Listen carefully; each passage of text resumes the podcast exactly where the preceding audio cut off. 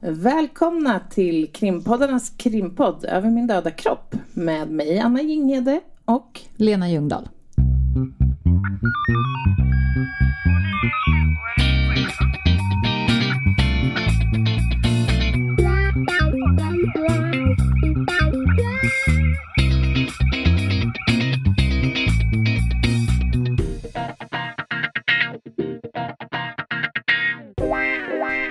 Det var en, ett eh, LC, eller en LC-operatör, alltså en tjej som jobbar på kommunikationscentralen, Mm. sambandscentralen, som eh, högg tag i mig i korridoren. För hon hade hört, eh, hon, hon lyssnade på podden. Mm. Och sen hade hon hört att vi hade pratat, och jag tror det var pundartuggs eh, Mm. snutslangsavsnittet. Så sa hon, kom med mig på, här på, in på mitt rum så ska du få höra en ganska rolig grej. Och då berättade hon om ett eh, case. Det var alltså en aspirant som eh, gör ett anrop till radion och ska göra en eh, fordonslagning på ett registreringsnummer. Mm. Och det här finns då inspelat. Alltså de måste få höra så mycket skit där uppe. De måste, ha så, de måste ju ha liksom en lista där de skriver upp så här, dagens ja, rövanrop. Ja, men alltså, för det första får de ju så mycket samtal Ja. och konstiga liksom, Ja. grejer från allmänheten. Så där. Det kan vara allt ifrån recept på några köttbullar till. Liksom, det är någon i min trädgård. Typ. I alla fall, hon spelar upp då det här eh, Mm. klippet. Och då får man höra en eh, ung, vad jag uppfattar, mansperson som riktar upp då mot radion och så säger han, ja fordonsfråga, kom. Ja, kom igen, säger radion. Eh, Udvig Lurban Lurban 2 4 Udvig Lurban Du väcker så mycket frågor. Vad var det Alltså, egentligen är han ville roligt. säga? Nej men alltså han kunde ju helt enkelt inte bokstaveringsalfabetet. Så att, men- så, ja, jag tyckte det var väldigt roligt. Har Udvig namnsdag i almanackan tror du? Udvig och Lurban. De får dela Ja, dag. men han var så gullig också för att han gav inte upp heller. Nej. Så att det här radiooperatören sa, ja, eh, repetera kom. Udvig, Lurban, Lurban. Kom aldrig upp, lilla hjärta.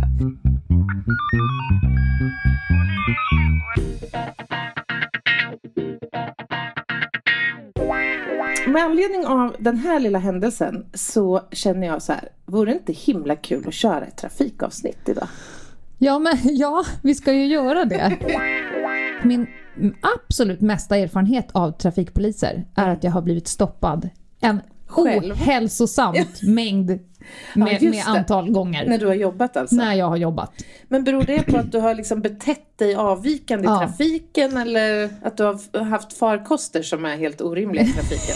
Jag vet inte. Nej, men det, det beror på att jag har brutit mot väldigt mycket regler, trafikregler, helt lagligt Ja. skulle jag vilja påpeka då. Ja. Men en trafikpolis kan ju inte se det på en bil utifrån. Nej. Att det här är en, en, en förare och ett fordon som får framföras på det här sättet. Precis. Eh, vilket gör att jag blir stoppad vid oh, väldigt märkliga, väldigt märkliga tillfällen. Jag minns en gång jag åkte, jag skulle, vi skulle ta emot en så kallad kontrollerad leverans. Det skulle komma ett större parti knark söderut ifrån. Och vi skulle ta emot och ta över denna leverans typ vid Mantorp. Ja. Och jag kom från Stockholm och hade bråttom bråttom. Mm. Så jag, det är en lång, lång svacka innan en viadukt där. Ja. Och jag kom brännande. Mm. I hög hastighet. Ja. Längs kanten så stod det en, en polisbil Mm. och eh, hade per, du vet det här skåpet i skuffen Mm, öppen och de stod och skrev per. Någon, men de stod väl och skrev någon rapport på Mm. någon där, för det stod en annan bil där. Och jag dammar förbi och jag ser i backspegeln hur de här bara du vet så här, kastar pärmen åt sidan. Du vet det var ju lucky day för Ja, den som ja, har blivit ja, stoppad. Ja. Hoppar in i bilen och jag, åker, jag ska ju vända. Så jag åker ju av motorvägen, Mm. över viadukten och så ställer jag mig vid påfarten på andra sidan för då vet jag att snart kommer min leverans och jag ska jacka i spantåget. Och då kommer ju de. Ja. sladd, de tänker att nu ska vi få en jagis, Ja. alltså en biljakt. Så de sladdar upp bredvid mig. Och sen så tittar de bara, de ställer sig precis bredvid mig och så vevar de ner rutan så tittar de på mig. Jag sitter där och tänker så här, nu jobbar ni med era egen Mm. kategorisering av personer. Okej, ung tjej, Ja, snusnäsduk i håret, alls. Röda läppar, en ganska hottad bil, Mm. Nalle Puh-solskydd i, på bakrutorna. Och så säger de bara så här, vad gör du? Och jag svarar bara, jag jobbar. Ja, säger de. Och så åker de. Ja. De kände så här, det här är för orimligt Ja. att det, det här måste vara en polis. De frågade inte om lägg. De tänkte att det här är för orimligt för att någon ska vara, ha den här kylan och bete sig på det här sättet. Men alltså jag har varit med om en liknande situation men, men alltså stoppat en Ja. eh, kollega i Ja. tjänst. Eh, och det höll på att bli jättetokigt för att han valde istället att dra igenom en trafikkontroll. Alltså dra. Jaha, För att han hade ju pågående liksom case. jaha. Så han hade inte tid att stanna helt enkelt. Ja, man borde ha listat Men- ut att det kommer det ska- ge konsekvenser. Ja, det var ju det det gjorde. Ja. Det höll ju på att bli jättetokigt. Men när vi till slut hade rätt ut Ja. alla turer där så fanns det ju en rimlig och logisk förklaring. Men det kan man ju inte veta när Nej. man står Nej, men det, där och då. det vanligaste gör man ju om jag ligger kanske på E4 och kör i hög hastighet Mm. bakom någon, vi håller på med ett spantåg, och så ser man att det är en polisbil. Mm. Då åker man ju snabbt upp bredvid den Ja. Mm. bilen, bromsar in så att de tittar åt sidan vad är det där och så trycker man ju upp sitt lägg i fönsterrutan. Mm, ja. Och sen åker man vidare. För om jag bara drar förbi, då kommer de ju med 100% säkerhet åka efter och det vill man ju inte. Nej, det är det sista man Det är vill. det sista man Ja. vill.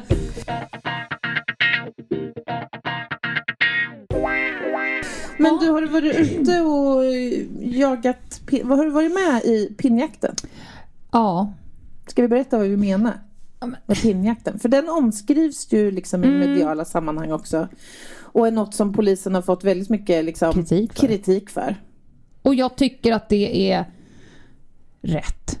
Alltså kritiken. Ja, alltså jag, jag tycker både och faktiskt. Vi har lite delad åsikt där kanske. För att jag menar ju, alltså om vi först förklarar vad pinnjakt är. Men vi- handlar ju om... Vi fick ett ett A4-papper som klistrades upp på, på vapenskåpet. Mm. Där man skulle sätta ett streck för varje gång man hade tagit en fortkörare på E4. Nu pratar vi 15 år sedan kanske. Mm. Eller gjort ett blås, stannat bara Ja. för traf- alltså vanlig rutinkontroll. Och då liksom underförstått mest pinnar är bäst. Mm. Och då kände jag så här, men om jag har suttit i ett förhör med en målsägande i en våldtäkt Mm. i sju timmar, har under det här passet genererat noll pinnar. Är jag sämre? Nej men det är ju helt befängt. Ja, visst är det det. Jag menar ju att uppsidan med det är ju att man sätter upp ett mål. Mm. Alltså den här veckan ska vi göra minst 300 eh, fordonskontroller. Som lag. Ja, ja. Ja. Mm. men liksom då, det kan jag tycka är en bra grej av det. För att det gör ju ändå att man jobbar aktivt med trafik eh, Mm. i trafikmiljö. Man ökar synligheten och man kommer också fånga upp en och Mm. annan som inte ska köra omkring i bilar. Och det Eh, blir förebyggande. och det blir ett väldigt Mm. viktigt förebyggande arbete. Så på så vis så tycker jag liksom den aspekten av pinnjakt Mm. är bra. Liksom. Eh, men det här som du beskriver är ju, alltså det måste ju finnas en, någon slags rimlighet Mm. i det hela. Det, det slutade ju bara med att vissa personer på stationen stod med sin lasermätare mellan två avfarter på E4 och tog folk som åkte 5-6 kilometer nej, men det, för fort för att få fler pinnar på A4-lappen på vapenskåpet. Det är jag emot. ja, Och jag tror inte att det är så längre. Jag tror att Jag man tror fick så himla mycket det. kritik för det. Så att, Jag tror också att en förklaring, det är inte ursäktligt på något sätt om det där har förekommit. Men hos liksom den enskilda polismannen och det enskilda turlaget så kan det ju också ha skapat en viss stress. Liksom. För att alla de där pinnarna skulle ju ändå bli av tillsammans med allt annat som samtidigt skedde. Och då kanske det blir att man lagar efter läge på något vis. Ja, Jag vet inte. Det, det finns lite att säga om det där. En vanlig fråga jag får angående det här med förebyggande eh, Mm. och som jag vet att vi har fått också på vårt Instagramkonto. Mm. Alltså om nu polisen vill sätta dit hastighetsöverträdare Mm. eh, och sätter upp kameror för det, för det sitter ju längs vägarna. Var, Eller, eller går ut i media och säger att Ja. nästa vecka ska vi köra Satsning. trafikkontroll Ja. på E18 och E20. men för varje eh, liksom, avsnitt på vägen med kameror så påbörjas ju det med en skylt. Där det påvisas att här Mm. Ja. finns det kameror. Står ju oftast så här, från en kilometer till Mm. 3,4 kilometer. Och då är det många så här, är ni dumma i huvudet Mm. som sätter upp skylten? Ja men då, vad är syftet med kamerorna? Det är att folk ska hålla hastigheten. och då sätter man upp en skylt för då kommer ju 98% av alla Ja. som kör där sänka sin fart. Ja. Och då är ju målet uppnått. Det är inte, målet är inte uppnått när man kan skicka ut Nej, men jag en håller med. påminnelse om att du inte kan läsa skyltar. Nej, men, men alltså jag håller med. Samtidigt, det finns, ju, det finns ju två aspekter av det här. Det ena är ju att vid en o, liksom förannonserad trafikkontrollplats Mm. eller insats så kan du fånga upp folk alltså, som, som annars hade kanske tagit en omväg för att undvika att bli stannad och kontrollerad. Mm. Till exempel de här som inte kör nyktra eller drogpåverkade eller som överhuvudtaget inte får framföra ett fordon för att de saknar körkort till exempel. Mm. Så att de kan man ju naturligtvis lättare fånga upp om man inte i förhand har talat om var man står. Men det är ju trots allt så att det allra, allra viktigaste syftet är ju att få ner dödligheten i trafiken. Eh, vilket vi också har lyckats otroligt bra med. I förra året så var det 223 eh, människor som dog i trafiken. Och det är den lägsta siffran någonsin. Så att eh, de här Och det är många insatserna... bäckar små där. Det är hur man bygger vägar och, och Ja, det är ju räcken och... såklart så är det flera Mm. faktorer som påverkar eh, liksom omständigheterna kring de här olyckorna såklart. Men, Mm. men det förebyggande arbetet har säkert viss effekt. Alltså att få ner, för det är Mm. hastigheten som avgör många gånger. Så är det ju. och nykterheten. Mm, ja, Jag, ja. jag såg en siffra, det är ungefär 15 000 personer eller körningar per dygn Ja. i Sverige ja det som kör över 0,2 Och jag menar gränsen. Ja, och det är i Sverige. Tänk nere på kontinenten eller i många andra länder där det liksom mer eller mindre är okej att köra på fyllan. Det, det är liksom för mig Skärgårdsöarna. helt obegripligt. Ja, ja, jo. Jag var på en skärgårdsö förra sommaren och då skulle jag få skjuts tillbaka till eh, färjan Mhm. av en som bodde på ön. Eh, och då sa han, nej men jag kan gå, du, du drack ju till middagen. Ja. Ja, nej, här ute på ön, vi har som regel två långa och en kort är Va? okej. Alltså- Jag bara, Två långa och en kort, vad betyder det? Ja men SOS. typ två vin och en... Jag bara, nej, tack, tack ska du ha men jag går. Ja men det finns ju, för att risken att åka dit är Ja. ju obefintlig. Ja, ja, ja, det är klart att den är. Så det hade varit bättre men att sätta upp en jävla därför- skylt. Ja, men det är ju inte därför man ska undvika att, att köra bil onykter. Nej, men folk tänker att det värsta som kan hända är att jag får Mm. bli av med mitt körkort. Nej, det värsta som kan hända är att du kör över ett barn. Ja, ja men Det är det värsta som kan hända. Så är det ju verkligen. Så trafikkontrollerna eh, till och från systemet eh, lördagmorgnar Mm. när folk sitter i bilen dagen efter och behöver eh, fylla på förråden. Mm. Där är ju många. Ja men det här är ju, och det här är ju viktigt det du säger för att eh, jag skulle vilja uppmana våra lyssnare att om de gör iakttagelser kring personer i deras omgivning, det kan vara en granne eller så som de misstänker har ett alkoholproblem till exempel och som de vet har körkort så är det en, ett tips som är väldigt bra för Polismyndigheten att få. Då kan man ju Absolut. verkligen jobba förebyggande mot faktiskt personer också. Ehm, och det är ju faktiskt så att många av dem som eh, tas för rattonykterhet det är ju ofta människor som har ett uttalat alkoholproblem. Ja. Faktiskt.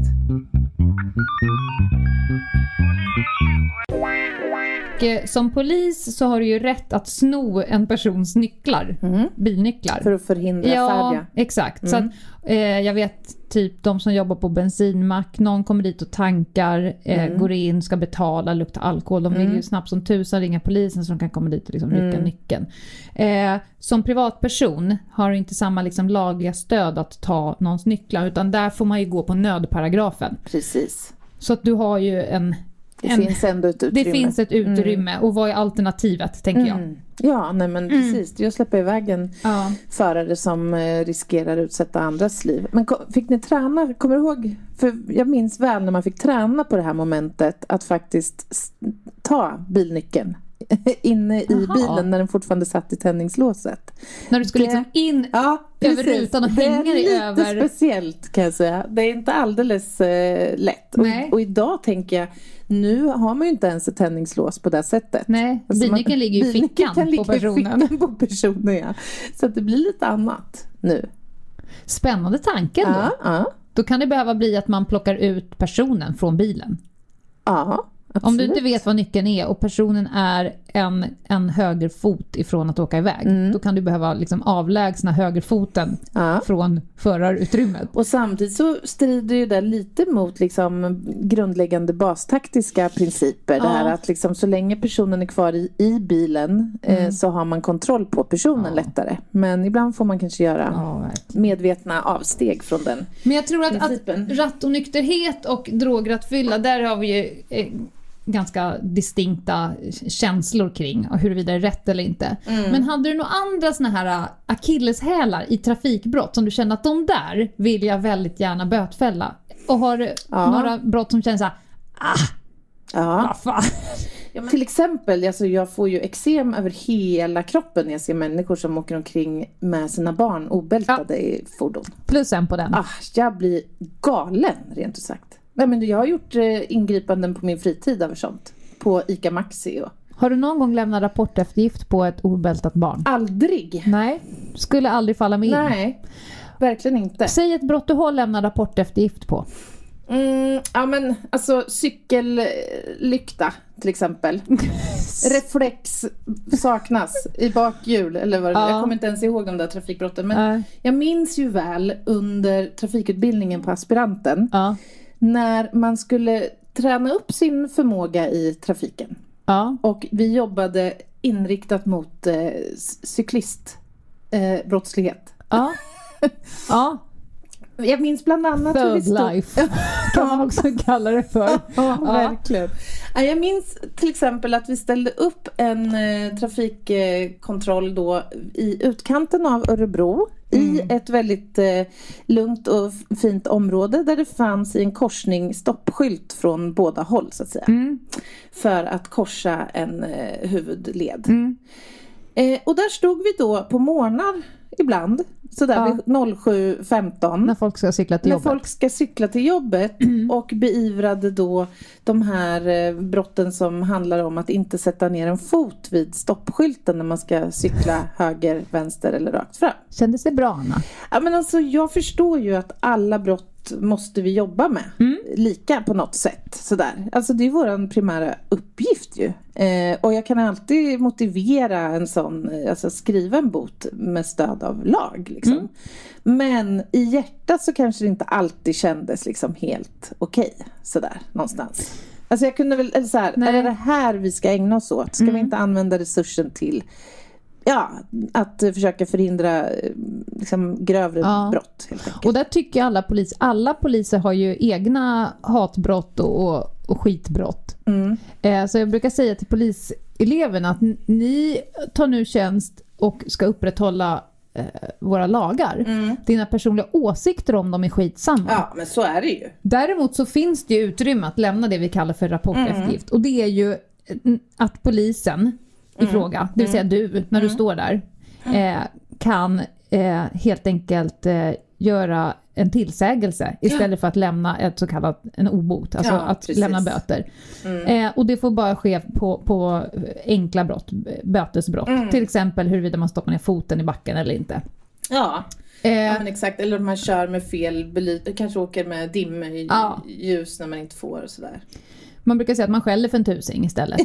Men Ja. det funkar inte. Personen, motparten, ska ju liksom på något sätt uppvisa att de har förstått att de har gjort fel. Annars skiter sig direkt. Ja, Så de här människorna som man kanske hade tänkt, så här, mm, jag kanske lämnar en rapport efter för man ska ta alla omständigheter i beaktande. Liksom väg och vind, eh, väglag och, och vind och, och, och väder, eh, vad heter det, ljusförhållanden, allt möjligt ska vägas in. Och så kanske man tänker så här, men här blir en rapport efter Men möts man då av en person Mm. som beter sig som en rövhatt Ja. och inte alls uppvisar någon form av ånger eller Nej. förståelse för att jag har begått ett, ett lagbrott här. Eller vilja att Ja. eh, liksom eh, åtgärda det här som Då man faller. Ja, för. då faller skälen för att lämna rapporteftergift. Så de kan, folk kan alltså snacka till sin böter. Ja men så är det ju och det faller ju Och det har de gjort. Det har hänt ja. Ja. Och det faller ju också på om den man stannar är en kollega till exempel eller Ja, det kan ju vara egentligen vem som helst som är anställd inom eh, polisorganisationen eller åklagarväsendet eller så, i rättsväsendet. Men Eh. utveckla, för nu tror jag folk hörde att då lämnar vi alltid rapporteftergift. Nej! Tvärtom. Bra. Då får man inte. Förtydligande. Bra Lena. Mm. Då får man inte lämna rapport eftergift. Enligt lag så får man inte göra det då. Mm. Nej. Precis. Du,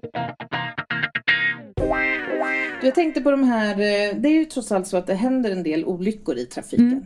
Ehm, vet du vilka som är liksom mest, alltså vad, vad är det för egenskaper hos de här människorna som oftast råkar ut för olyckor? Egenskaper. Jag, Mm. tänker, jag skulle vilja säga unga män, men det är inte en egenskap. Nej, men, men det kan ju finnas eh, egenskaper hos unga män som gör dem mer olycksbenägna då, om jag säger så. Ja, de har väl en ökad riskaptit och en lägre konsekvensanalytisk förmåga. Ja, ja, men det ligger något i det. Det finns, man har gjort faktiskt lite mm, analyser av eh, de här eh, olyckorna som sker. Mm. Eh, man brukar säga att det är ungefär 15% av befolkningen som är inblandad i hälften av olyckorna. Mhm. Så alltså vissa lyckas flera gånger. Ja, Om, eller om- misslyckas Ja, kanske. Ja, Ja. ja precis. Ja. Eh, och framförallt så utsätter de ju andra Mm. också, vilket är ju ganska allvarsamt. Eh, men då har man sett på den här gruppen vad som eh, karaktäriserar dem. Och för det första så är det väldigt många som förklarar bort misstag. Mm. Det vill säga de har inte lärt sig någonting av den här händelsen. Så att de kommer öka... Garanterat gör den igen. Ja, precis. Mm, det fint. kommer hända igen. Mm. De tränger också oftare bort faror. Till exempel att det faktiskt kan finnas mycket barn på den här platsen. Vi kanske är nära ett dagis eller en skola. Mm. De är ofta ganska impulsiva. Eh, vilket innebär att eh, man kan, ja men det kan ju leda till väldigt farliga situationer Mm. i trafiken. Att man snabbt byter färdriktning till exempel Mm. utan att se sig om över axeln och sådär och blinka. Och. Eh, de har ofta ett självhävdelsebehov.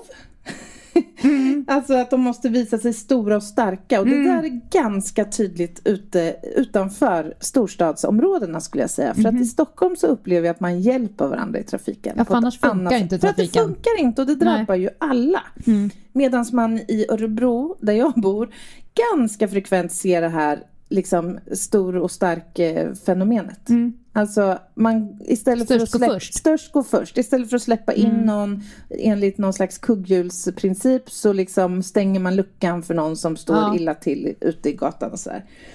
Reaktions, eh, bild, reaktionsbildning, eh, alltså det här om man är försiktig i olika sammanhang eller mer risktagande Mm. påverkar Mm. också.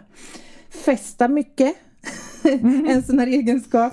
Ja. Och äventyrlighet. Och sen kan man säga att äldre är överrepresenterade i gruppen också. Så det verkar vara yngre och oftare Ja. män. Men också gruppen äldre. Och det kan man ju förstå för att deras reaktionsförmåga och ja, perceptionsförmåga sinnena är liksom lite Men jag trötta. tänker, något som sammanfattar det är ju väl att de har väl en liten övertro på sin egen kapacitet. Ja, det skulle man nog Att kunna säga. hinna, jag kommer hinna reagera, jag kommer hinna se. Eh, och tyvärr också en övertro på andra bilisters kapacitet. Mm. Ja, Ja. Tänk att de som tror att de kör bäst eh, är sämst.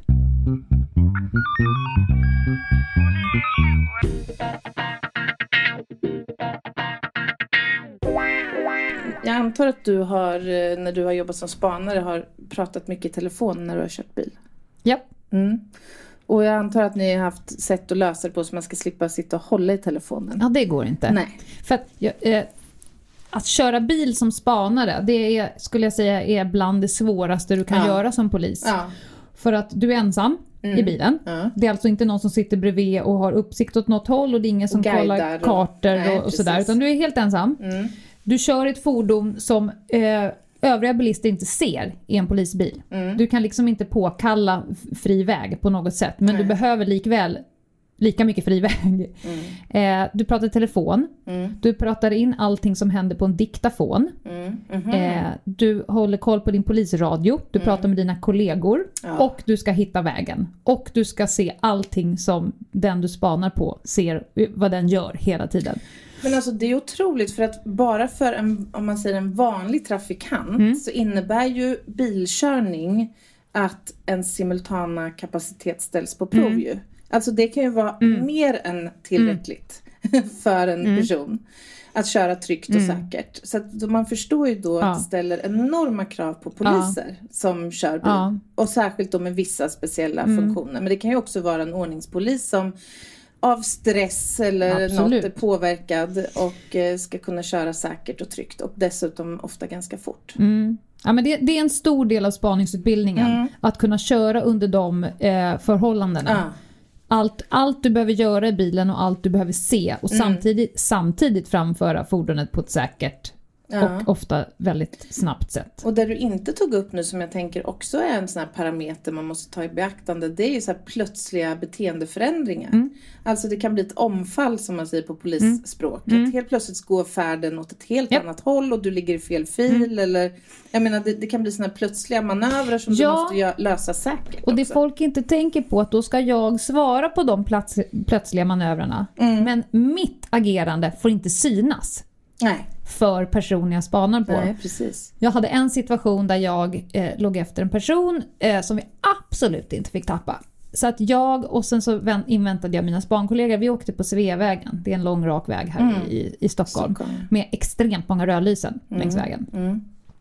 Och då klipper jag kanske fyra, fem rödlysen i rad. Ja. Jag bara krånglar mig förbi, krånglar mig förbi krång- folk som står och väntar vid rött. Oj, oj, oj. Det där måste jag ha retat upp en och annan. Ja. Och sen så får jag då på radion att nej men nu har han kört in till kanten, han står där, han lämnar bilen dut, dut, dut, och någon annan spanare kommer ikapp. Varpå jag vid det sjunde eller åttonde rödlyset stannar. Och då kommer ju alla ikapp, de som jag har liksom tryckt mig förbi. Och blicken man får, de tittar in Ja. i bilen, ser mig, ser bilen. Blev det något obscent tecken som Nej, Jag har du fått så jävla många obscena tecken. För de tittar och bara, det här, det här är så stört. Ja. De förväntade sig kanske en annan look. Ja. Mm. Jag vet inte, fördomsmässigt så förväntar de sig förmodligen något annat. Så tittar de in i bilen, sitter jag där med ett stort smile, röda läppar och bara hej hej, ah, tjena tjena. Och så bara, okej om hon hade så bråttom, Ja. varför har hon inte det längre? Ja, precis. Fasen, Hon sitter inte i en polisbil, du vet det är Ja, så roligt att så se. många frågor. De bara, ja, så många frågor som väcks i deras... Vad är det som pågår? Men alltså, har du, ja, du kör ju mycket bil vet jag. Mm. Eh, ser du ofta folk som sitter och pratar i telefon? Ja, Mm. fortfarande. Mm. För vi har ju ett förbud nu. Ja, men, ja, det är väl ett alldeles utmärkt förbud. Mm. Varför? Varför jag tycker det är utmärkt? Mm. För att folk gör... eh, Dels så minskar det ju uppmärksamheten. Mm. Förbudet kom ju till av en anledning. Sverige var ju ganska sena här. Det har ju varit ett förbud i många andra länder tidigare. Eh, när du kör bil så ska du ha händerna på ratten och titta på trafiken. Du ska inte hålla på med någonting Mm. Nej. annat. Eh, men alltså, man ser ju fortfarande folk som... Jag stoppade ju en bil som jag var helt säker på att den satt med med telefonen Mm. och höll på. Vingla så in i helvete på vägen. Så som folk gör när de bara ska skicka Ja, smset eller svara på den där eller Ja. det kom någon pushnotis från någonting. Stoppar jag bilen, går jag fram. Nej, men alltså då har den här mannen, han har fobi för att köra på A-brunnar. Ursäkta? Ja, han körde runt. Så det, det jag inte har sett att varje gång han väjde ut åt höger och vänster så var det för att undvika brunnar. Nej men alltså jag orkar inte. Jag var helt säker på att han satt med mobilen. För det är ungefär så som folk kan köra när de har... Men jag antar då att för han kan ju inte veta om det är en A-brunn eller han tog alla. Så han, han tog inga risker Nej. liksom. brunn som brunn. Ja. Den här ska rundas. ja. Det är ju fantastiskt. Ja, men alltså, och jag var tvungen att bara vänta, vänta, vad är det här för brott egentligen? Ja, det kan ju ja. liksom bli vårdslöshet i trafik. Ja, kan det bli. Jag, så sa jag så här, från och med nu så kommer du att köra över brunnarna. Mm. Annars så blir det ju liksom, får ju omhänderta ditt körkort. Du ska ju inte ha körkort överhuvudtaget. Nej, precis. Nej men, ehm, vad, vad tycker, har du några åsikter om mobilanvändarna? Nej men ja, det är den du själv eh, beskrev. ja. Eh, av samma anledning. Alltså all, alla egentligen manövrar när du kör bil som riskerar påverka ditt Mm. omdöme i trafiken och din koncentrationsförmåga och allt det här är ju in, alltså det är av ondo Mm. helt enkelt.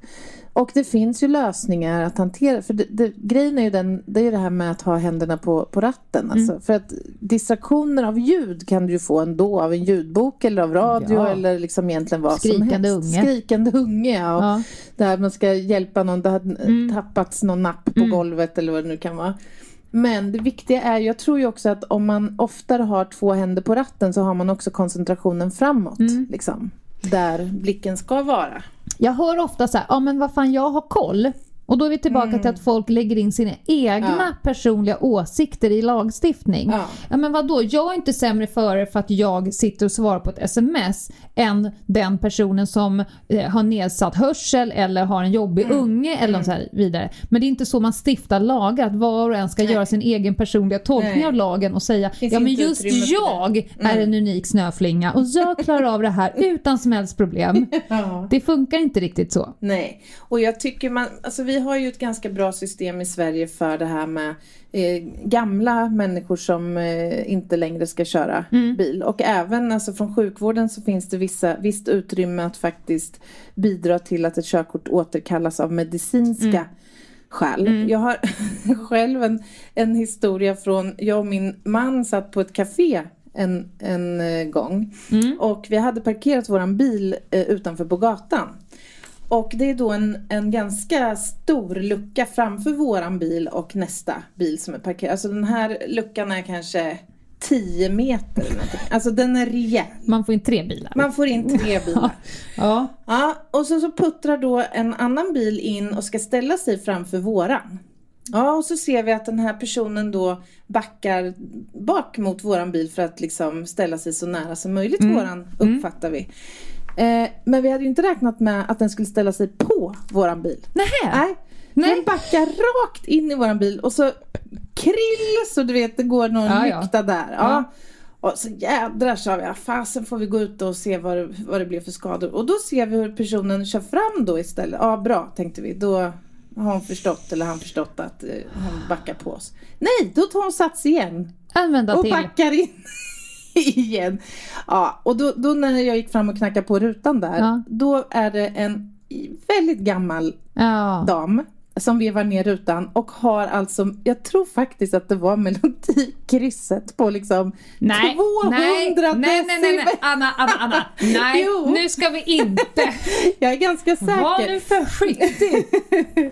Ja, så hon varken hörde någonting för att hon hade så högt på radion. Ja. Man kan ju ändå liksom höra om man stöter emot Ja, någonting. hon eller... lyssnar på Lennart Palm Ja, från Lerum. Ja. Och dessutom noll förmåga till split vision eller omvärlds liksom så här. Hon såg ingenting utanför sin Men att egen hon inte kupé. kände. Ja, det är helt obegripligt faktiskt. Så att om man hamnar i liksom det skedet i livet liksom, Ja. då kanske man inte ska ha Nej. eh, faktiskt Men det tror jag längre. många människor känner för sina föräldrar när de blir Ja. gamla. Att ta ifrån någon rätten, Mm. för det är liksom deras rörelsefrihet du stryper. Att på söndagen kunna sätta på dig kepsen, Ja. gubbkepsen, åka ut. Mm. Inte vet jag vad de gör. Ja, men det är ju det, alltså för många kan det ju vara det enda sättet att faktiskt fortfarande kunna Mm. Ja. liksom upprätthålla dina intressen eller sociala Mm. kontakter eller så det kan ju innebära ett enormt stort slag liksom Mm. för den enskilde. Men samtidigt så måste man ju där se till ja, men, övriga trafikanters säkerhet. Ja. Det är ju det som är ändå det viktigaste. Men jag, när jag kom att tänka på när du sa det där med att hon backade in i en bil. Jag satt på en parkering och jag spanade, så jag satt på förarplats. Mm. Men jag hade skruvat bak ryggstället lite, så jag hamnade liksom bakom B-stolpen. Mm, mm, Eh, och sen så kommer en, en eh, människa och parkerar bredvid mig. Mm. Eh, och han ja, men fick parkerar, nosen in sådär. Och passageraren drämmer upp dörren i min dörr. Nej. i förardörren. ja. Och jag tänker, vad, det var inte bara så en liten, liten touch att Nej. gångjärnet, du vet, ibland Det, öppnar ska, det vara, ska det vara rejält? och jag vevar ner rutan och bara, vad fan gör du? Varpå han säger, oj ursäkta jag såg inte att du satt där. Nej, men, Va?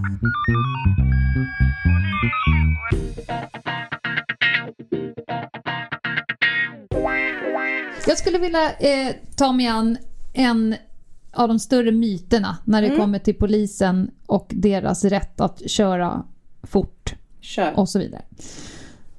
Det här eh, hör jag och ser så ofta. Att jag såg en polisbil som körde alldeles för fort utan blåljus. Ja, just det. Jag såg en polisbil som körde på cykelbanan men inte verkade ha bråttom och så vidare och så vidare. Så nu kommer faktablocket Ja, i denna avsnitt. Mm.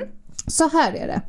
Att hur polisen får framföra sina fordon framgår i trafikförordningens elfte kapitel. Mm. Och då finns det liksom tre nivåer. Den första nivån är då helt vanlig tjänsteutövning. Mm. Ni kan tänka er, alla poliser som är i tjänst, de har ingen bråttom alls, de gör inget särskilt, de bara är i tjänst. De jobbar helt enkelt. Och det gäller alla typer av bilar som om polismannen som sitter i bilen Mm. är i tjänst. Även Yes. om pe- personen kör i sin privata bil och helt plötsligt träder i tjänst för att pe- personen ser någonting som bör beivras. Mm. Då är också den bilen verktyget att få utnyttja den här rättigheten. Ja. Och vad får då personen göra? Då får personen till exempel köra på cykelbanor, köra på gågator, parkera precis var fan hen vill. Eh, får köra mot enkelriktat i bussfiler, backa på motorvägen och så vidare. och så vidare. Det är liksom inte knutet till något särskilt uppdrag. Tänk en helt vanlig dag, jag är ute och är polis. Mm. Men i det här fallet så ska hastighetsbegränsningarna hållas. Mm. Men alla sådana här som vi kallar för lokala föreskrifter till exempel. Så de här polisbilarna som kör i lugna ro på cykelbanor har lagligt stöd för det. Precis, vad bra att du tog upp det här. För det är som du säger, det här är ju Ja. verkligen eh, svårbegripligt för många. Och jag förstår att allmänheten kan se på bilen och bara tänka så här, varför gör du det här? Och det kan finnas så ofantligt många anledningar. Ja. De patrullerar området av en anledning. Jag parkerar mitt på stadens torg för att jag behöver ha närhet till bilen på grund av att vi är inne och gör någonting så jag ska slippa springa 300 meter till ett parkeringshus. Det kan finnas olika anledningar. Eller att man ställer upp eh, en målad polisbil på ett, eh, en plats för att det ska få ner hastigheten i området till exempel. Det kan ju finnas massor med skäl som du säger. Och för att man kanske har klivit ur sin bil för att göra någonting och så vill man att om ett larm kommer då ska vi kunna hoppa in i vår bil och köra iväg snabbt Mm. så att vi inte förlorar tid. Det är steg ett. Ja. Steg två, då är det brådskande yrkesutövning. Då ska ni tänka att den här polisen har av någon anledning bråttom. Mm. Då är det någon form av uppdrag som personen har fått Mm. som säger att nu är det dags att skynda sig lite grann. Mm. Det ska vara ett hyfsat konkret ärende. Mm. Det behöver inte vara ett, ett mord eller någonting annat utan det, det är någonting som är liksom hyfsat konkret. Man kan ju säga att vi har ju en prioriteringsordning på ärenden. Mm. Faktiskt. Eh, och det bestäms ju egentligen av eh, mottagaren av ärendet, Mm. alltså eh, radiokommunikationscentralen. Så det finns ju en uttalad Mm. prioriteringsordning. Men även om du är en patrullerande polis så kan du ta Ja, dig ja, an en kan uppgift. vara Du ser eget. någonting Ja, och från den absolut. sekunden så bestämmer du Så att nu har jag bråttom. Mm, mm, helt rätt. Eh, och det här gäller fortfarande alla bilar. Om polisen som sitter där i tjänst. Även eh, hens privata bil Mm. kan man säga. Vad är skillnaden då från eh, läge ett? Ja, för nu får eh, polisen göra allting i, som hen fick i läge ett. Mm. Plus att nu får polisen också köra hur fort Som, som den, behö- den behagar och som behövs. Mm. Behöver man ha blåljus då? Absolut inte. Nej. Så ni kan se polisbilar som kör så in i helvetes fort Mm. utan Mm. blåljus eller skrikor. Mm. För det behövs inte. Eh, och det här är ju då en väldigt, väldigt vanlig myt. Mm. Eh, och man behöver ju såklart inte sitta i en bil som ens överhuvudtaget har blåljus. Det finns ju inga spanbilar som har blåljus. Nej, nej, precis. Så det, det har Det är ju i ingenting med... sig en, en myt. Ja, Alltså att Ja. alla polisbilar att man slänger upp en sån här saftblandare på taket. Ja. Över min döda kropp ska jag säga att jag någonsin skulle göra det. Ja. Sen har vi då det tredje fallet och då pratar vi trängande fall. Då kan du tänka att polisen i, i bilen har skitbråttom. Det ska till exempel vara fara för någons liv eller s- hälsa eller några stora materiella skador. Mm. Till exempel att ett larm om en pågående brottslighet någonstans. Mm. Det här gäller endast utryckningsfordon. Mm. Eh, och, men det kan ju vara en civil bil med, med sån utrustning. Ja. Och vad gäller nu? Nu är alla trafikregler upphörda. Mm. Polisen får göra precis som hen behagar.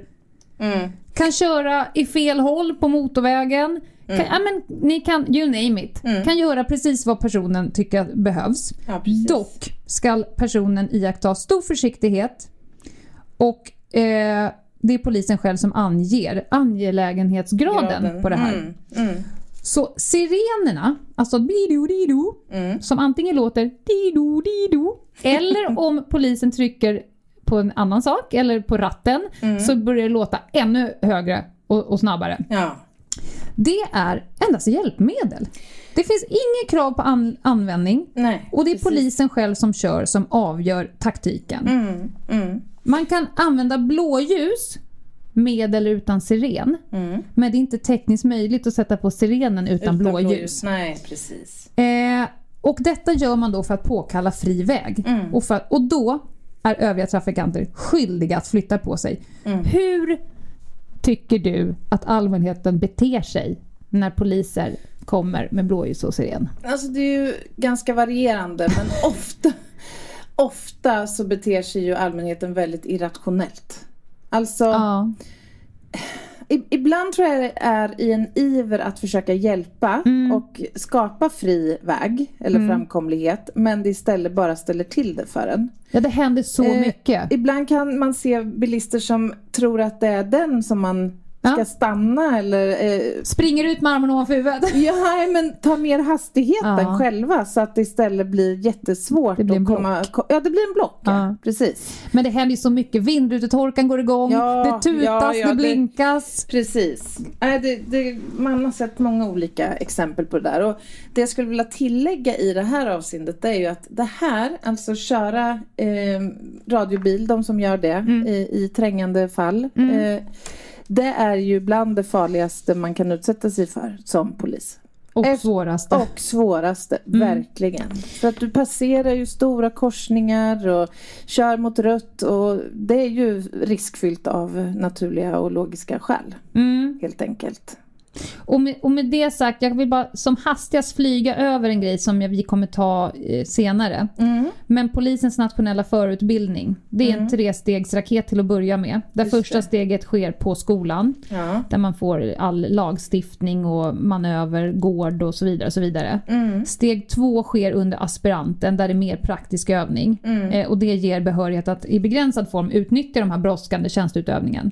Men poliser får inte köra trängande fall Nej. eh, förrän de har gått steg tre, Just som den så kallade ryckarkursen. Mm. Och den eh, ska ju helst ske inom första året då. då. Mm. Så fram tills dess så ska egentligen personen kastas ur bilen och sätta sig på, på passagerarplats om det blir trängande fall. Mm. Ja, precis. Och det är för att det är oerhört svårt att framföra ett fordon i 250 km i timmen Ja. och samtidigt ha koll på vad alla eh, övriga trafikanter håller på med. Mm. Eh, för att folk beter sig irrationellt. Men jag skulle vilja säga att de allra flesta gör ju allt vad de kan som är det de är skyldiga att göra, att underlätta för polisen. Ja, men, ja. Man ska, men de ser inte, hör inte, gör jättemärkliga Mm. saker. Det får man vara beredd på. Ja, precis. Har du mycket erfarenhet av att ha kört blått? Det är så man säger. Mm. Köra blått. Köra blått. Mm. Vilket är orimligt eftersom det blåa bara tillkommer om jag själv behagar att Ja, sätta på det. precis. Jo men det har jag. Mm. Eh, jag jobbade i distrikt strax utanför Stockholm city. Mm. Vi hade ganska mycket biljakter skulle jag säga. Aha. Mm. Och nu ska jag vara helt ärlig. Mm. Det är ganska roligt med biljakt. Mm. Ja, men det är ju liksom, det, det är ju en kick. Ja det är ju det, men det är också extremt farligt. Ja. Och det man gör när man har biljakt eller efterföljande, man rapporterar ju då till de eh, vakthavande befälet. Befälen, ja. Mm. och säger vart man är, vilken hastighet det går, vad är för trafikintensitet. Och Mm. sen kan det helt enkelt vara en person som säger ja men då avbryter vi. Ja, Det vill säga, det är för farligt att hålla på med det här. precis. Jag kan dra ett case som vi hade. Mm. Vi kom körande en natt, jag och min kollega. Mm. Eh, när vi står i en fyrvägskorsning med rödljus åt alla håll. Mm. Eh, vi har grönt, så kommer en bil och åker tvärs över. Vi inser att den här personen har rött. Ja. Vi tänker att den där bilen ska vi stoppa, förmodligen en rattfylla. Mm. Och vi åker efter och vi eh, slår på stoppanordningen. Blink, blink, blink. Och då drar bilen. Mm. I hög hastighet. Mhm. Så vi, och då vi rapporterar, okej, då är det en bil som inte har stannat. Mm. Vi påbörjar här. Så börjar vi åka och sen så eh, märker vi att det här går jävligt fort och det är ganska små vägar. Och då säger operatören att då avbryter vi det. Mm. Eh, vi avbryter och det sista jag ser av den här bilen, för jag vet den åker på en väg som är lång, lång, lång raka och sen avslutas den vägen med en 90 graders kurva. Oj. Ja. Så jag ser bara hur det liksom, eh, som ett litet eldspår. Om du tänker att du drar metall mot asfalt. ja, jag förstår. Eh, och när vi kommer runt hörnan där lite senare, så ligger bilen på taket inne på ett dagis, en förskola. Oj. Inne typ vid sandlådorna. Och sen så är det hamburgare utspridda över hela kvarteret. Och sen så är det en person som har flygit ur bilen som är en bra bit ifrån bilen, ligger på marken. Och föraren är fastklämd. Ja. Eh, ja, och då är det här två unga grabbar, bristande omdöme, hög riskaptit. De hade klunsat på efter... Hög aptit på hamburgare också kanske? nej men de hade klunsat på efterfesten vilka som skulle åka till Donken Donk. och köpa hamburgare till hela festen. Och det blev de.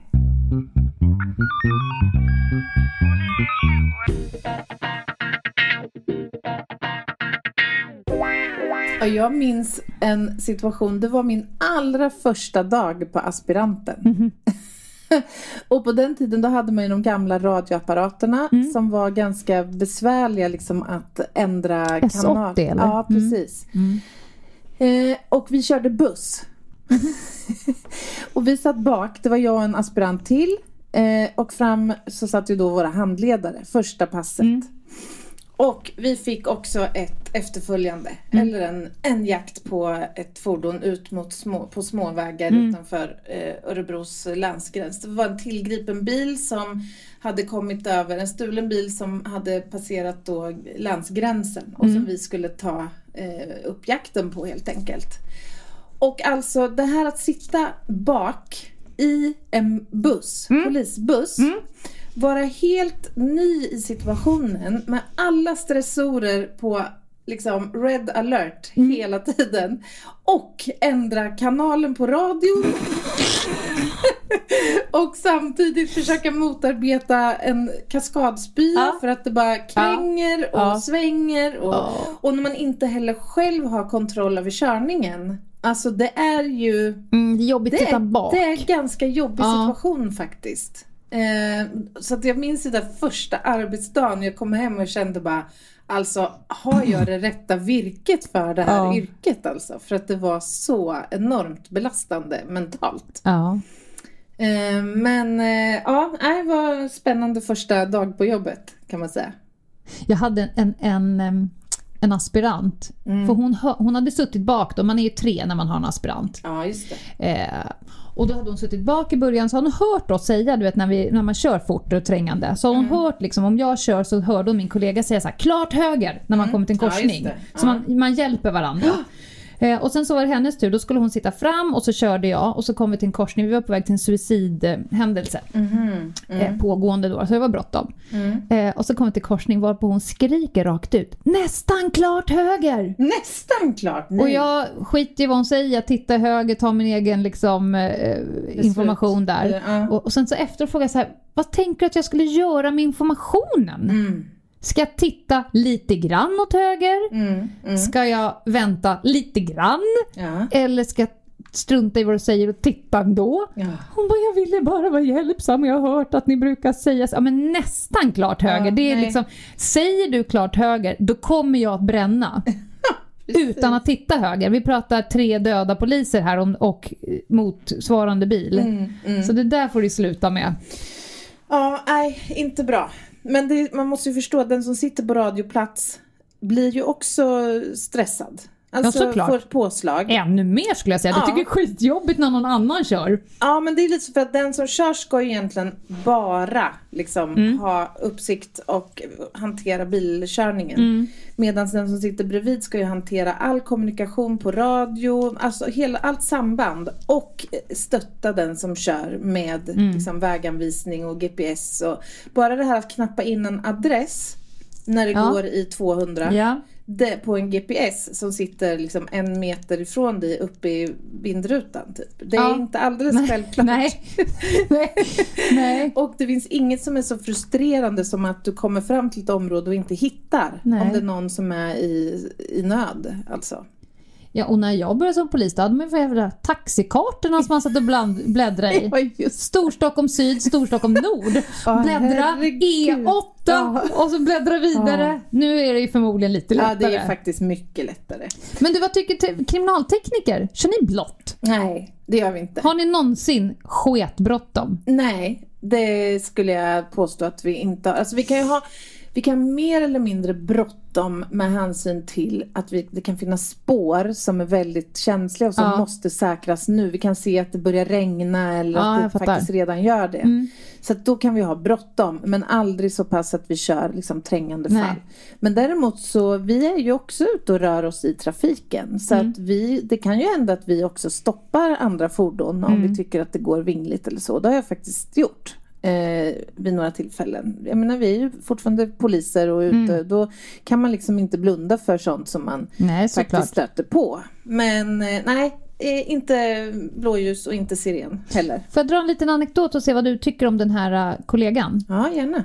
Eh, det har varit värdetransportrån. Mhm. Eh, rånarna har flytt i en flyktbil. Mm. Flyktbilen är dumpad. Mm. Hittas av spanare. Jaha.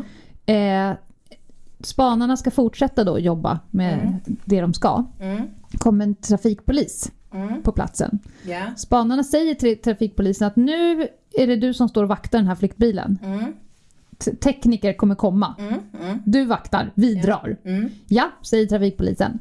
Eh, när teknikerna kommer dit, då har trafikpolisen tröttnat på, På vakta. på vakta. Han har hoppat in i bilen Nej, nej, på förarsätet Men jag orkar inte. och vi pratar kanske timmar. Så han har också fällt, ändrat alla inställningar på stolen. Så han skjutit bak stolen lite och lutat bak. Så han sitter, när, trafik, eller när kriminaltekniker kommer fram, då sitter han på förarplats i flyktfordonet. Lite bakåtlutad. Ursäkta, jag måste Men, gå men, ut men, och men vänta. kräkas Han har lite. handskar på sig vill jag bara säga. Ja, vilken tur! Det var ju ändå jätte, jättebra. Vad vill du utdela Ja, för straff på den här personen? Ja. Är det punkross? Alltså, ja, jag vill inte ens uttala med ord i, på bästa sändningstid vad jag skulle vilja göra med Vad har han ställt till med rent alltså, kriminaltekniskt? Vänta nu, var Ja. det här en juniorkonstapel? Nej! Alltså, Nej. nej men alltså. åh. Nej men förenklat så skulle jag säga så här, det är ingen idé att vi gör någon, Nej. någon spårsäkring på, i Nej. det här fordonet eftersom vi kommer få ditt DNA, Mm. dina fibrer, Ja. dina vad som helst. Ja. Det går inte att säga vem som Vi har kört inte- bilen för kör, alltså, Nej, vi- inställningarna på stolen är, är är förändrade. förändrade. Ja, nej men precis. Nej, det var inte bra gjort. Det var jädrigt obra gjort. Verkligen. Jävla trött. Jag har, jag har några anekdoter. Jag har, till exempel har jag krig mot en kategori människor. Vi kan kalla dem män i fladdrig vindjacka och spandexbyxa på cykel. Vi kan, Ja, vi kan kalla den... pratar lite cyklister nu. Ja, nej men så här är det. jag har ju en moped. ja. En klass 2. Ja. Klass 2 moped lyder i princip under samma lagar som cykel. ja. De går ju Precis. 25. Mm. Den är inte trimmad. Det är det Den som går... begränsar ju. Det är Exakt. hastigheten. Mm. Ja. Och eh, som då så får jag ju då köra, skall köra på cykelbanor Mm. om det liksom inte är, ogörligt. Eh, jag kan köra mot de här enkelriktade gatorna där man får åka cykel Mm. mot enkelriktat och så vidare. När jag var trafiklärare på Polishögskolan så åkte jag moped Ja. från södra sidan av Stockholm till Sörentorp. Det tog typ en timme. Hade asskönt. Mm, inte snabbt, men, men skönt. Jag slapp umgås med folk, både dit och Men hem. känner jag dig rätt så sminkade du dig, åt frukost och lyssnade på någon podd samtidigt eventuellt. Kanske. Jag kunde inte ta mig från mitt hem till mitt arbetsplats och tillbaka en enda dag utan att minst en rövhatt i fladderjacka skrek åt mig. Nej men att, Att- du inte skulle vara på cykelbanan. Ah. Och då kände jag så här, jag kommer snart dra fram min asperbatong och köra in den i ekrarna på nästa gubbjävel som öppnar käften. För att jag blir så trött. Man kan känna så här, okej, det är en moped på en cykelbana. Undrar om den får vara här? För det heter ju cykelbana. Nej, Man kan alltså ha en okunskap. Ja. Men det är ta mig fan bara en kategori människa som tänker så här. Det kan också vara så eller, eller rättare sagt som tänker så här, jag har rätt. Ja. Jag vet i min cell, i min, alla mina celler, Mm. att den här personen får inte vara här från det cykelban. Och jag inte bara vet, jag är inte bara övertygad om min egen jävla förträfflighet. Jag måste också öppna käften och gorma ut det här. Ja. Och upplysa hen. Hen. Så detta skedde och jag är en sån här person som jag viftade inte med, viftade inte med polislägget i tid och otid. nej. Jag har gjort det vid två tillfällen. Det här var det ena. För då körde han förbi mig eh, på en väg och eh, skrek "Åh, cykelbana! Typ. Mm. visst. Och sen så eh, körde ju då den här cyklisten också mot rött. Aha. fyra, fem rödlysen. Ja. Så att jag kom ikapp till slut. Och då, Ja. så, då la jag huvudet på sned och sa ursäkta mig, du skrek någonting till mig med hela ditt bukstöd där borta för några hundra meter sedan. Så spandexbrallan höll på att spricka. Ja, den jävla blöjan på att fladdra. Ja, så jag hörde inte riktigt vad du sa. Mm. Det här är en jävla cykelbana, du är en jävla moped. Jag bara, enligt trafikförordningen. Blablabla. Ja, Och han fortsatte. Ja. Och så sa men du kör ju mot rött. ja. Alltså om du tycker att lagar är så viktiga. Mm. Du har fan inte med det att göra. Då kände jag, Ja. nu gick topplocket. Nu tog jag fram polislägget. Och så sa jag, hej jag är trafiklärare på polishögskolan. Roligt. Han välte av sin cykel. Ja. Han ställde sin 60 000 kronors gosedjur lutad mot ett träd och bara gick rakt in på ett apotek som låg där. Nej. Han bara försvann ur situationen. Men alltså, Otroligt. så att nu alla ni som tror att moped inte på cykelbanor, det får de. Alla Ja. mopeder som man kan säga som inte har regskylt, för det är klass 2-mopeder. Och du har ju också besvarat lite en, en föreställning eller en fråga som ofta kommer om cyklister får köra mot röd gubbe. Mm. Eh, för det är ju också en sån där fråga som kommer i- titt som tätt. Och det får man ju inte göra. Men däremot så vet jag att man har, jag vet inte om det bara är på försök eller om det nu är liksom så här eh, fast eh, beslutat. Att man, för man har gjort försök med, och speciellt, eller jag vet att man har gjort det bland annat här i Stockholm. Att man ska få cykla mot rött vid sväng, högersväng. Så här, man har gjort någon liksom av, eh, vad ska jag säga, begränsning i Men det är ändå ingen som stannar vid rött. Nej, nej, men det är det ju inte. Och det som händer om man inte gör det, eh, om man inte får cykla mot rött, det är att man får böter på 1500 spänn. Och sen är det ju faktiskt så att ska man hårdra det så kan det vara så att körkortsmyndigheter liksom har synpunkter på att, hur man framför eh, ett fordon i trafik. Så att det kan begränsa ens, eller påverka faktiskt ens eh, möjlighet att få ha sitt körkort.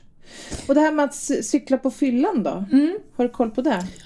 Ja, det har jag. Det kan bli vårdslöshet i trafik om man kör riktigt jävla dåligt. Ja, alltså precis. För det är så att det finns liksom inget uttryckligt ansvar i trafikbrottslagen Nej. om man cyklar på fyllan. Utan, och eh, rattfylleribrottet gäller ju inte för Nej. cyklister utan det gäller ju för bilister. Men det, det gäller för alla eh, motordrivna. Så du kan Ja, åka på pre- ja, rattfylla på en På en- permobil. Ja, eller en motorgräsklippare. Ja, men, ja, men inte en så- cykel. Såvida den inte har motor. Precis. Nej. Mm. Men som, som trafikant så, så liksom måste man ju uppträda i trafiken på ett sånt sätt så att man inte framkallar fara för någon annan liksom, eller orsakar Mm. eh, fara för andra.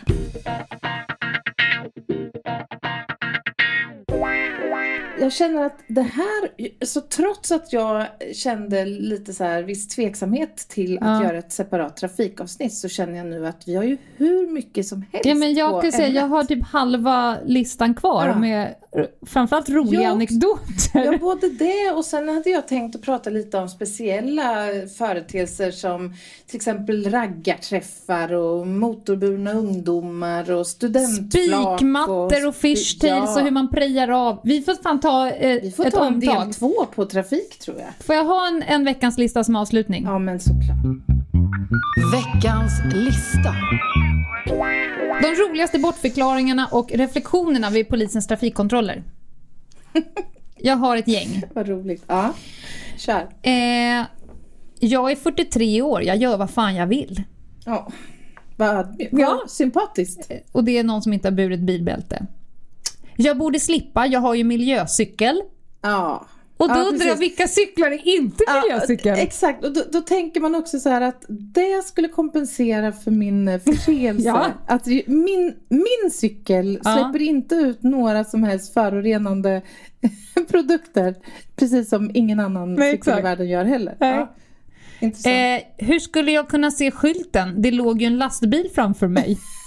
Förbjuden vänstersväng. Ja. ja, den är bra också. Eh, jag har bråkat med pojkvännen, han får fan betala. Ja, det där får det de ju göra upp kreativt. Det civilrättsligt. är ändå kreativt. Ja, det tycker jag. Ska ni hålla på så här så förtar ni all glädje som cykla ger mig. Jag Ja, älskar det är ju inte kul att ha på sitt samvete. Men alltså, det, där- jag, har en annan på samma tema Ja. det här. Ska ni inte istället utreda Palmemordet Ja. istället för att eh, ta mig för... Men den kanske vi poliser i all oändlighet kommer slippa snart. ja, vi kommer ju snart kanske få ett slut. Ja. Den här då? Hur mycket? Vad fan tusen spänn? Du kan skriva 2000 direkt. Jag kommer köra här imorgon också. ja, men pre- precis. Man kan betala i förskott. Och så jag avslutar med min absoluta favorit. Mm. Det är alltså en cyklist som har cyklat mot rött och blivit stoppad. Mm. Säger till polisen så här. Vi kan sluta diskutera. Du är inte på min intellektuella nivå märker jag. Jag älskar det! Ja, det vad vet härligt. fan om jag inte bara hade garvat och släppt.